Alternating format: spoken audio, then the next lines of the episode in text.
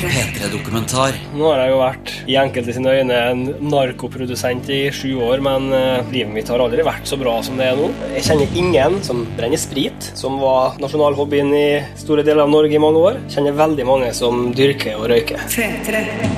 Grønn glede, en P3-dokumentar om ulovlige potteplanter. Jeg heter Ludvig Løkholm Levin.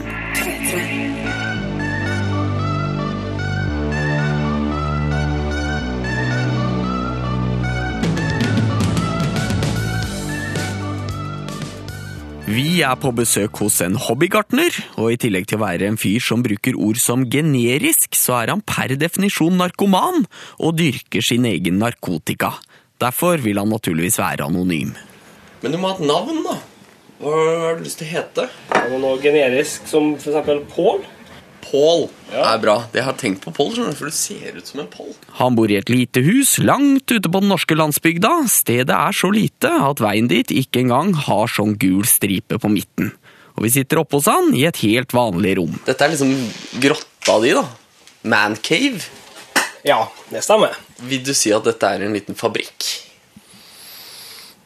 Eh, Det høres litt profesjonelt ut. Det høres ut som det er penger inne i bildet. Masseproduksjon, så det vil jeg ikke si. Her er det mer eh, kjærlighet og omtanke bak det. Det er ikke noe serieproduksjon av noe som skal skape inntekt. Hva, hva er det som gir deg glede ved det? Du kan si at det er kombinert eh, plantehobby og kan jeg sammenligne det med å sette vin, lage øl. Og du har mange muligheter med plantene. Veldig mye variasjon i eh, utseende, smak, lukt og hvordan du må behandle dem. Det er Blomstringa tar jo fra åtte uker oppover, så det, er ikke noe som, det tar ikke lang tid å se et resultat. Men så er det å, å bruke hendene og skape noe naturlig. Det er spennende. Men, men det, det, det, det er interessant. Fordi nå har Du snakker om hvorfor du driver med dette her. Og så har du ikke nevnt noe om rus. Nei, altså, jeg må innrømme at eh, jeg liker nå rusen fra cannabis. Men eh, å nevne det først, det blir feil. Smak, aroma eh, og kvalitet, det er viktigere. Eh, de forskjellige typene cannabis kan gi veldig forskjellig effekt. Um, og det er jo spennende å utforske i seg sjøl. For det er ikke først og fremst et rusmiddel, for min del. Det røykes mye cannabis i Norge. Akkurat hvor mye det er, er naturligvis vanskelig å si, men professor Paul Larsson ved Politihøgskolen anslår at det er et sted mellom 5 og 15 tonn. Og er du som hører på kvinne, er det 30% sjanse for at du har røyka en eller annen form for cannabis innen du har blitt 28 år. Og er du mann, er det tallet helt opp i 40% Mesteparten av det som røykes her i landet, er hasj smugla fra Marokko. Men det Pål driver med, altså å dyrke selv, er en økende trend. I løpet av det neste døgnet skal Pål ta oss med inn i en verden vi hører lite om, men som blir mer og mer vanlig. Det er en verden der folk dyrker fram den marihuanaen som gir dem akkurat den rusen de er ute etter. Og vi skal være med på de viktigste leddene i den prosessen. Og forhåpentligvis sitter vi til slutt igjen med en klump av det Pål ville kalt kortreist norsk kvalitetshasj. Kan jeg se det? Har du noen planter? Ja, eh, jeg kan jo begynne med noen buds først. Ja. Jeg har et par glasskrukker her. Han åpner en skuff i skrivebordet, og nedi der er det masse gjennomsiktige krukker med forskjellige typer og kvaliteter av marihuanaplanter. Og det er de som kalles buds. Du kan jo lukte. Oi, det var en markant lukt. Ja, det kan jeg si.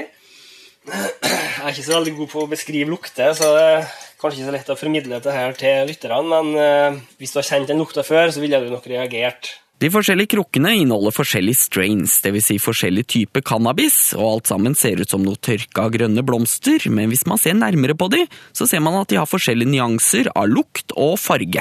Ja, nå er utvalget her eh, ikke det største akkurat nå. Eh, Siden jeg ikke driver en fabrikk, så er det ikke alltid produksjonen like stor. Eh, Så akkurat nå så har tydeligvis er vennene mine vært litt glad i å røyke. Ellers har jeg dyrka for lite, for nå begynner det å bli litt mindre. da. Så her har du en annen strain. Hvis du lukter den, så vil du kjenne at den lukter helt annerledes. da. Og Det er det som er litt spennende med cannabis. altså Du kan godt si at du er interessert i vin og syns det er spennende, men du vil aldri finne en variasjon i, i, i smak og aroma og i ruseffekt da, som du gjør i, i, i cannabis. Det er det som gjør det så spennende. Den ene krukka skiller seg vesentlig fra de andre ved at den er større, kanskje en liter, og stappa full. Så her er da ei krukke med avkapp, eh, små buds og, og, og, og små blad som inneholder altså den rusgivende delen på planta, da, som er På godt norsk så kalles det ofte krystaller.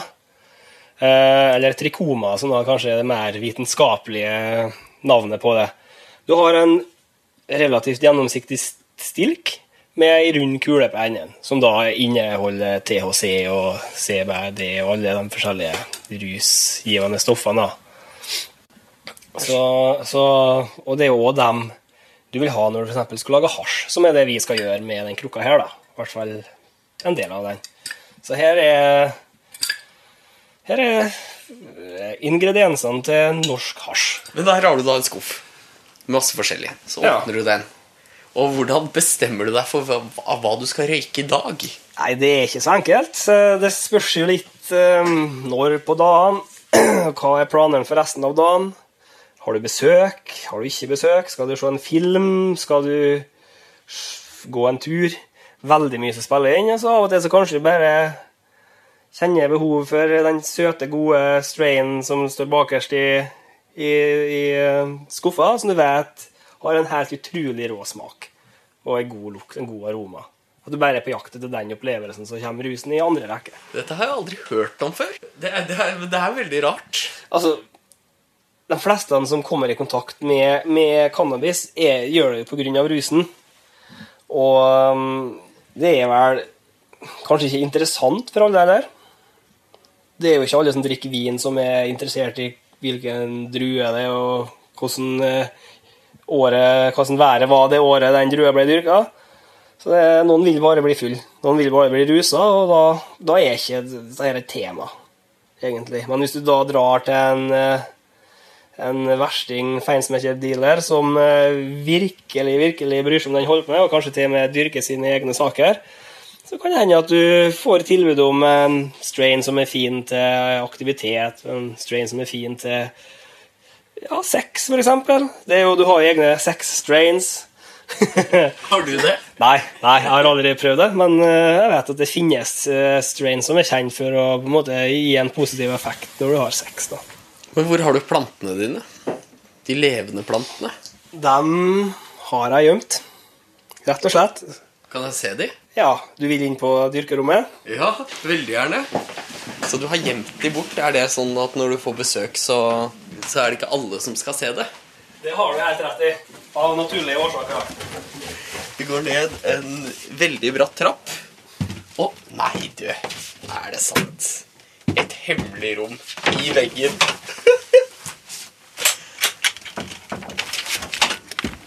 Åh, Der er masse lys.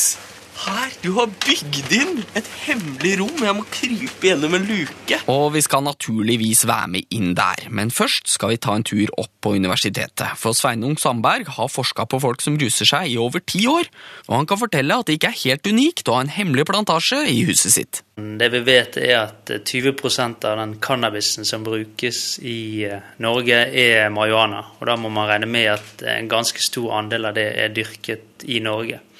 Og vi vet også at det er blitt mye vanligere, at det, er en trend mot eh, spesielt sånn lavskala marihuanadyrkning.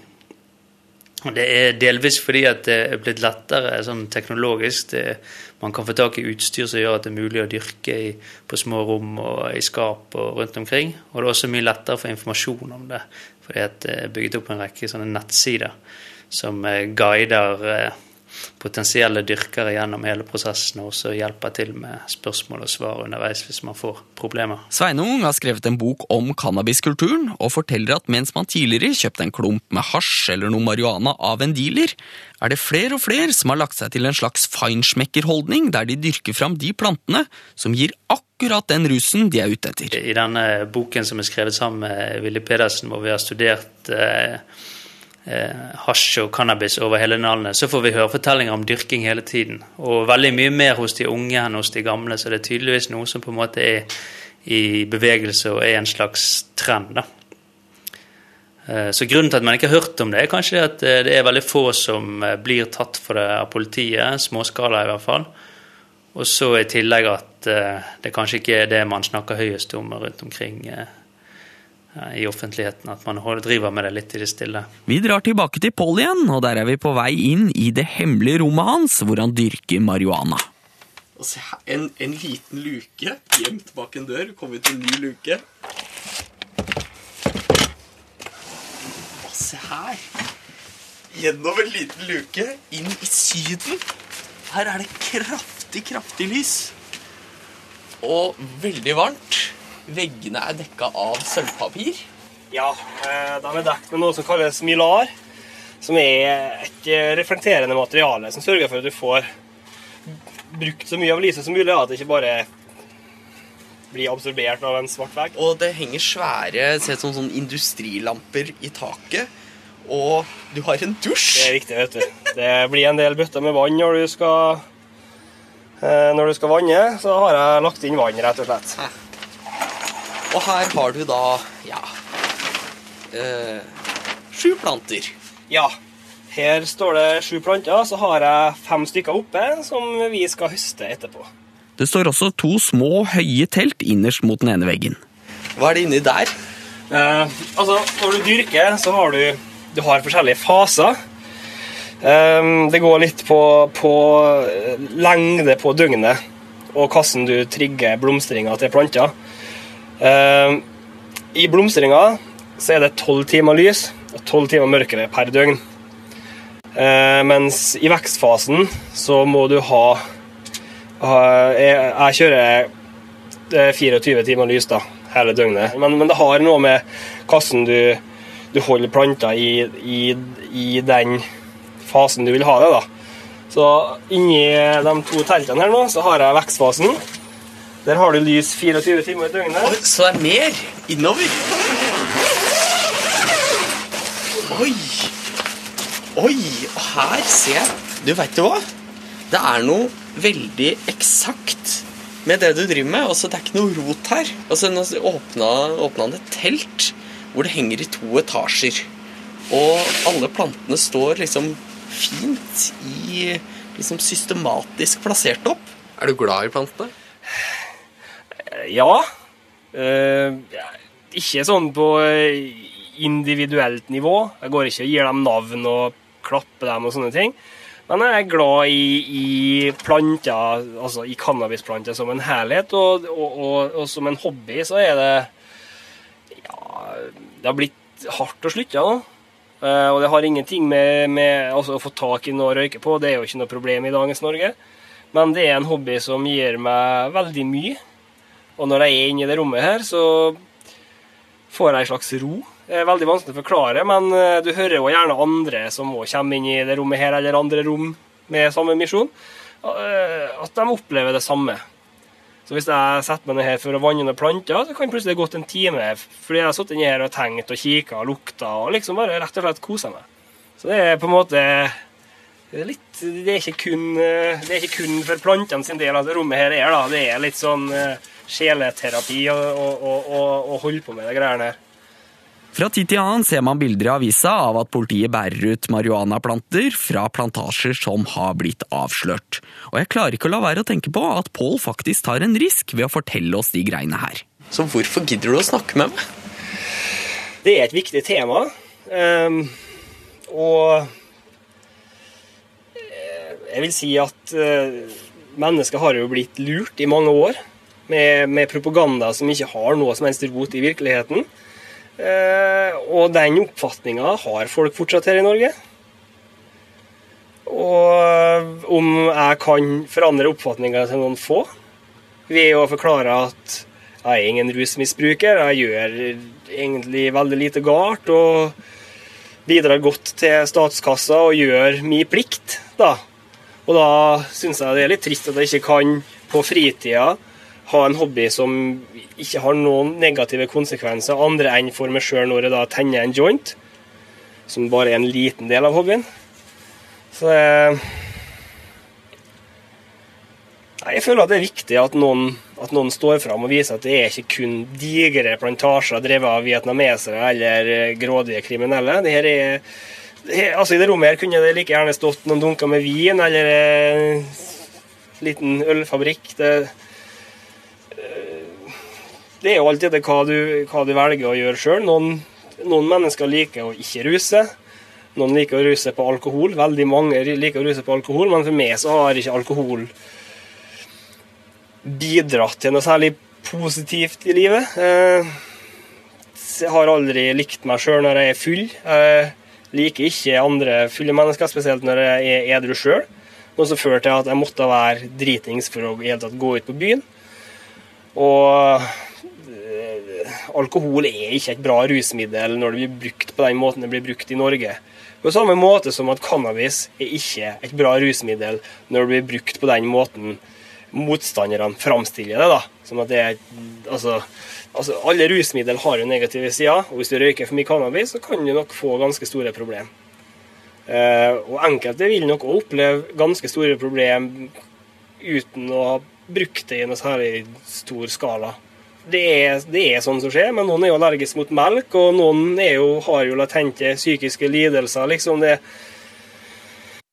det er iallfall ingen grunn til å, til å holde det ulovlig, da, for å si det sånn. Da har vi tatt en kikk på plantasjen, men oppi huset står det fem store planter som skal høstes. Det vil si at de skal gjøres klar til tørking. Den prosessen tar tid, og Pål vil kose seg mens han holder på. Jeg regner med at det går bra om jeg røyker litt. Ja, ja, ja. Nå er det fredag. Han finner fram noe marihuana fra et av de glassene vi så på i stad, og begynner å male det i småbiter med en slags liten kvern, og det er den du hører bak her. Nå skal vi jo snart høste ei plante eller to. Men eh, for å sette stemninga, så føler jeg at jeg skal prøvesmake litt på resultatet fra forrige høsting. Hvor ofte røyker du? Det, det er ikke noe jeg føler for å snakke det særlig om på radio. Nei. Nei. Men på fredag? Da røykes det. Nå har jeg akkurat grinda opp eh, eh, marihuanablomster og lagt dem i ei lita skål hvor jeg bare lurer dem oppi den ferdigrulla conen min. Og da er det i løpet av ikke så veldig mange sekunder klar, ferdig joint. Du har drevet, du har håndlaget på de greiene her. Ja, nei, det har jo En kan jo ikke kun dyrke heller. du må jo liksom prøvesmake.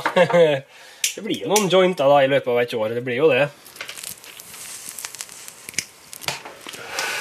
Men jeg føler meg på ingen måte narkoman.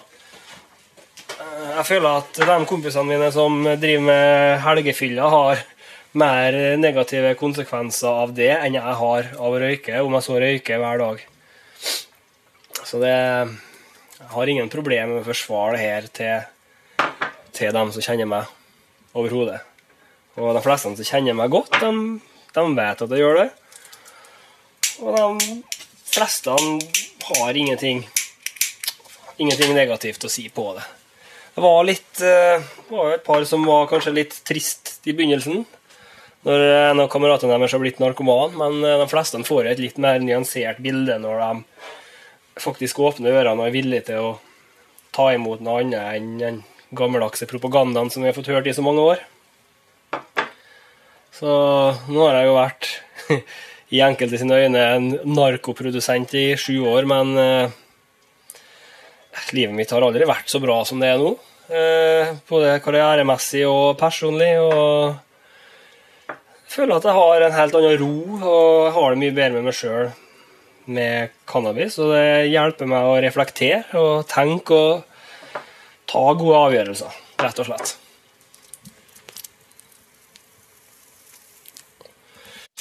Ja, og du skal klippe av deler av greinene. Og så skal vi fortsette å klippe av de små bladene som stikker utafor selve budden. Da Da har jeg, har jeg to litt mindre sakser til fintrimminga. Men vi må ha litt større saks til å klippe av greinene. Litt Vi blir sittende og klippe av de stilkene og bladene som ikke har noe særlig av de rusgivende stoffene på seg. Og det tar hele resten av kvelden, og det begynner å gå opp for meg at man faktisk må være spesielt interessert for å gidde å holde på med det greiene her. Det er litt funny, for at nå sitter du med en liten saks, og det her er hobbyen din. Ja. Tenker du noe på helsegreia? At det kan være farlig å røyke? Eh, Ja, jeg er jo klar over at det er skadelig å, å, å røyke. Altså, du, du forbrenner jo plantemateriale. Eh, Men eh, det, det finnes jo veldig mye forskning på det, og det er i mange sine øyne mer farlig å røyke tobakk enn å røyke marihuana. Og så lenge du ja, ikke røyker så veldig mye, så tror jeg ikke det er noe farlig. Men det er jo noen som får psykoser og sånne ting. Ja, eh, på samme måte som med alkohol, så skjer jo det. Eh, det er ikke alle som er skapt for rus, og den eneste måten å sørge for at folk er opplyst om det på, er jo å gi dem korrekt informasjon. Og det blir veldig mye lettere når, hvis du f.eks. Eh, regulerer det og selger det gjennom statlig utsalg. De ulempene som er med cannabis, eh, får folk vite veldig lite om pga. at det er forbudt. Så går de heller og får feilaktig informasjon som de da mange ikke tror på, som gjør slik at de ikke får noe tillit til dem som gir dem den informasjonen. Som da ofte er staten eller politi eller hva det nå måtte være. Ja. Og jeg tror det er en av hovedgrunnene til at Pål tar den risikoen det er ved å snakke med oss om det her. Men det er også en annen grunn, som er minst like viktig, og det har med penger å gjøre. Altså, Vi har fem planter foran oss, og hver og en av dem har i alle fall seks-sju buds. Pål har en av dem i hånda, og jeg sitter og tenker på hvor mye penger han egentlig kunne tjent. Hvor mye tror du den, hvor mye tror du den eh, har en gateverdi på? Si 150 kroner grammet, kanskje. da. Hvis du sier at det er en tier, da, og 150 kroner grammet, så er det jo 1500 kroner. Og her kommer vi til det andre poenget. Sånn det er nå, så slipper han å betale disse pengene til smuglere og dealere. Og han snakker mye om at nå som han dyrker selv, så slipper han å finansiere kriminelle nettverk. Og vi får høre med postdoktor Sandberg om han tror det kan være noe i denne teorien. Sånn jeg ser det, så eh, lavskaladyrking ikke nødvendigvis en negativ trend. Og det henger sammen med at mm, tradisjonelt sett så har Norge fått eh, cannabisen sin fra Marokko. Og eh, i begynnelsen så var det smuglet av eh, litt sånne løsrevne hippier og tilfeldige folk på tur, men de siste eh, tiårene så har det gradvis blitt mer og mer tatt over av de store kriminelle nettverk, sånn som Hells Angels og, og tilsvarende. da.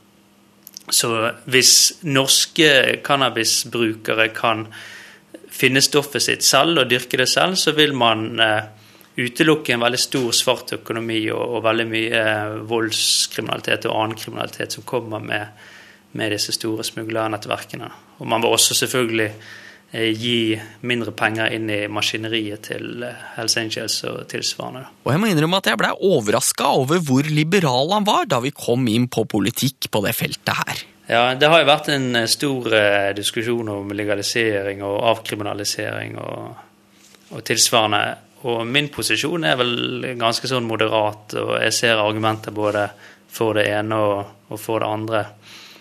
Altså Fordelene med å avkriminalisere vil jo være at man slipper en del av de, de skadene som er knyttet til straff og, og soning og sånn, mens uh, ulempene vil jo være hvis man sender et signal om at dette her er et ufarlig stoff å, å bruke. og Man vet jo generelt sett at øker man tilgjengeligheten av et rusmiddel, så øker man også bruken.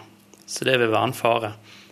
Men eh, det jeg tror i forhold til dyrking spesielt, så kunne man eh, hatt en eh, ganske god effekt av å tillate eh, dyrking av en, to, tre planter til eget bruk. Det syns jeg er veldig morsomt at du omtaler dette som moderat òg. For jeg at du er jo liksom, jeg er oppe på Blindern, og jeg er oppe sammen med akademikerne. Betyr det at i ditt fagmiljø er vanlig å være for full legalisering? Ja, uten at jeg liksom skal si jeg har gjort noen studier av det, så er mitt inntrykk at de aller fleste som studerer cannabis og, og cannabisøkonomi, er for uh, forskjellige varianter av avkriminalisering og eventuelt legalisering. Så, så mitt standpunkt her vil nok bli sett på som uh, helt uh, ufarlig og rimelig, og litt feigt til og med kanskje av noen. Jeg overnatta hos Pål, og dagen etter skal vi være med på å lage norsk hasj. De plantene vi gjorde klare i går, trenger litt lengre tid på å tørke, så vi bruker noe materiale han hadde fra tidligere. Det har han lagt i fryseren for at det skal være lettest mulig å jobbe med. Og det eneste vi trenger, det er en slags boks. Den er ny, nyrensa, nyvaska. I den boksen ligger det tre siler oppå hverandre med forskjellig størrelse på hullene. Tørrsikt kalles det når du lager hasj på den måten her. da. Og da har du neste duk. Den er da litt finere. Og neste er liksom den fineste. Opp med et svært norgesglass. Oi. Med enorme mengder. Så heller han marihuana på den øverste sila. Han setter på lokket og starter å riste, og da detter de rusgivende krystallene av plantene og faller ned på silene under.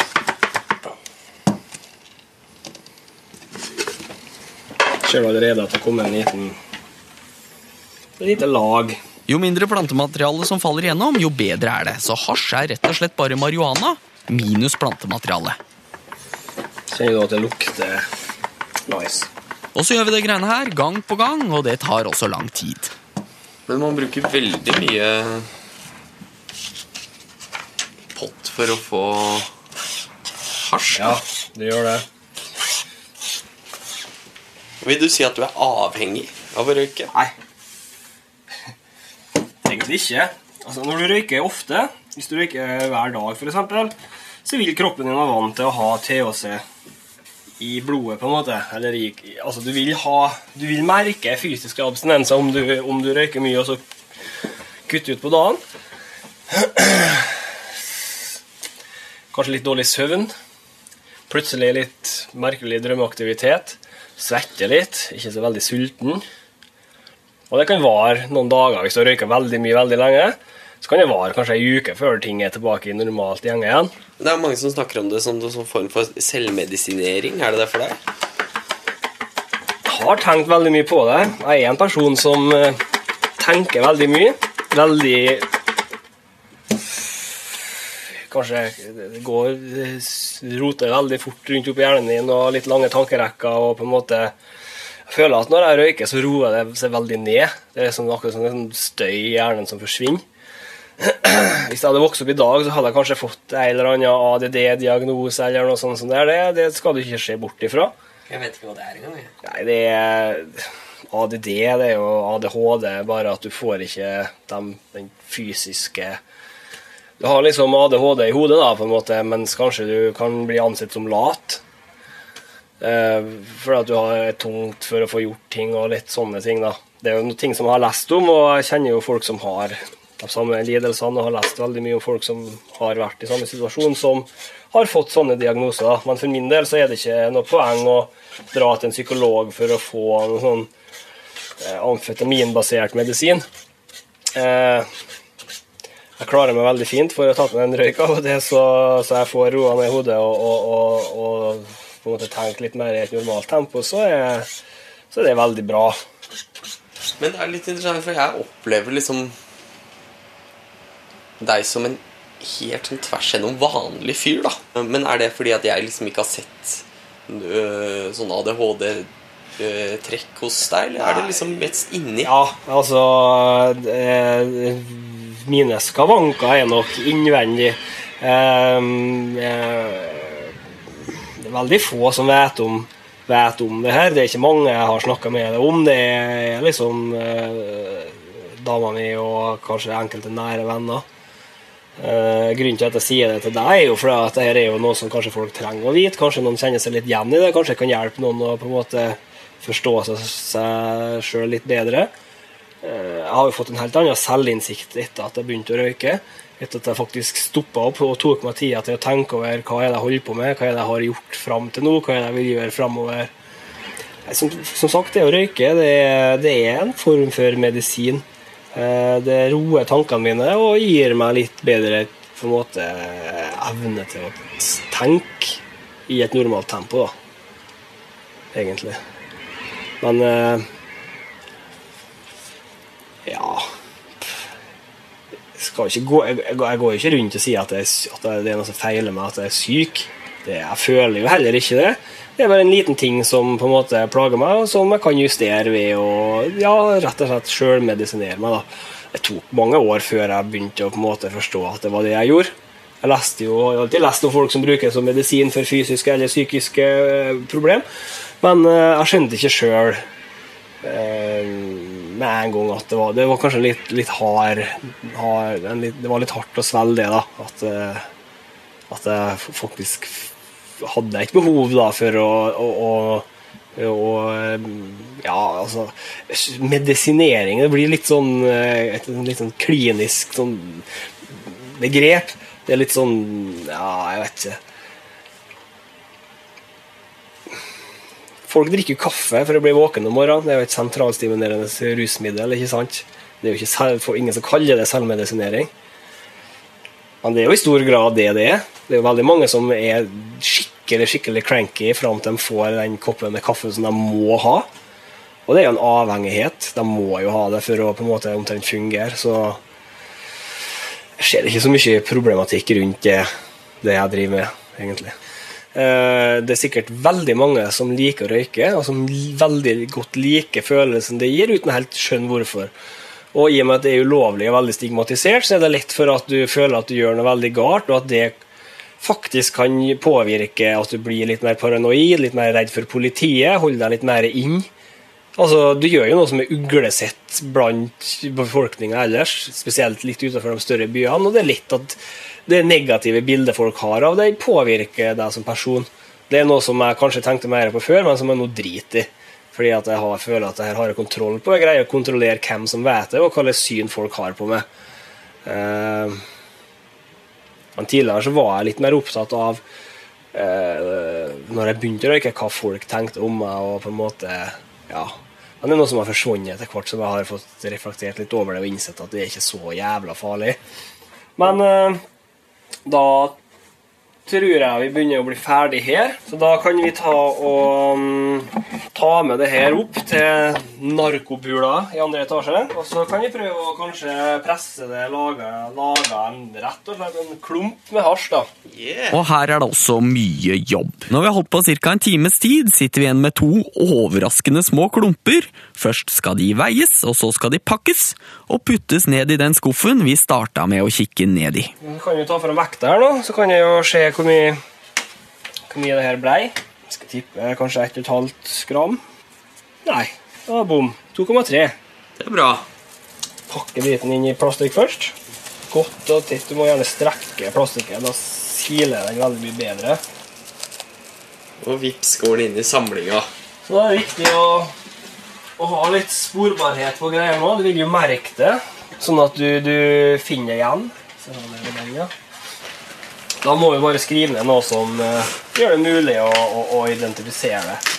Sånn som her så er det mange strains, så du kan ikke skrive for eksempel Northern Lights. Selv om jeg vet at det var det oppi her, liksom, så er det mye annet. Så du kan ikke Så om jeg eksempel skriver eh, NRK, så husker jeg veldig godt når det skjedde. Da har vi den. Oppkalt etter kanalen. Yes! NRK-hasj. sånn, så legger vi den i den ene hjemmelagd krukka her og legger det på lagring til vi får, får lyst til å røyke det. Ja. Da var vi ferdig. Ja, det, det, det er vi nok da, ja. Da har vi fått, eh, vi har fått høsta, vi har fått lagd hasj, og på en måte, da har vi fått vært med på mye forskjellig. Og hvor? Jo, ute i det ganske land. Grisgrendte strøk. Ja. Det er det som er en fordel med å være litt anonym og bo litt ute på bygda. Du, du Folk er kanskje ikke like opplyst og like Det er jo på en måte Det er jo ting som skjer i Oslo. Det er jo folk, ting som folk leser om i avisa. Folk har ingen, eh, ingen forventning om at det er noe som foregår i nabolaget eller i samme kommune. Men bakdelen er jo det at hvis politiet står på døra her nå og begynner å bære ut planter, så vet jo alle sammen om det. Så eh, litt sjanse tar det jo. Men eh, det er verdt det. Det er helt klart verdt det.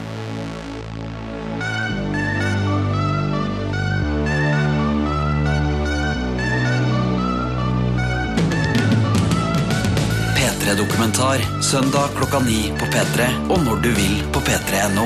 P3.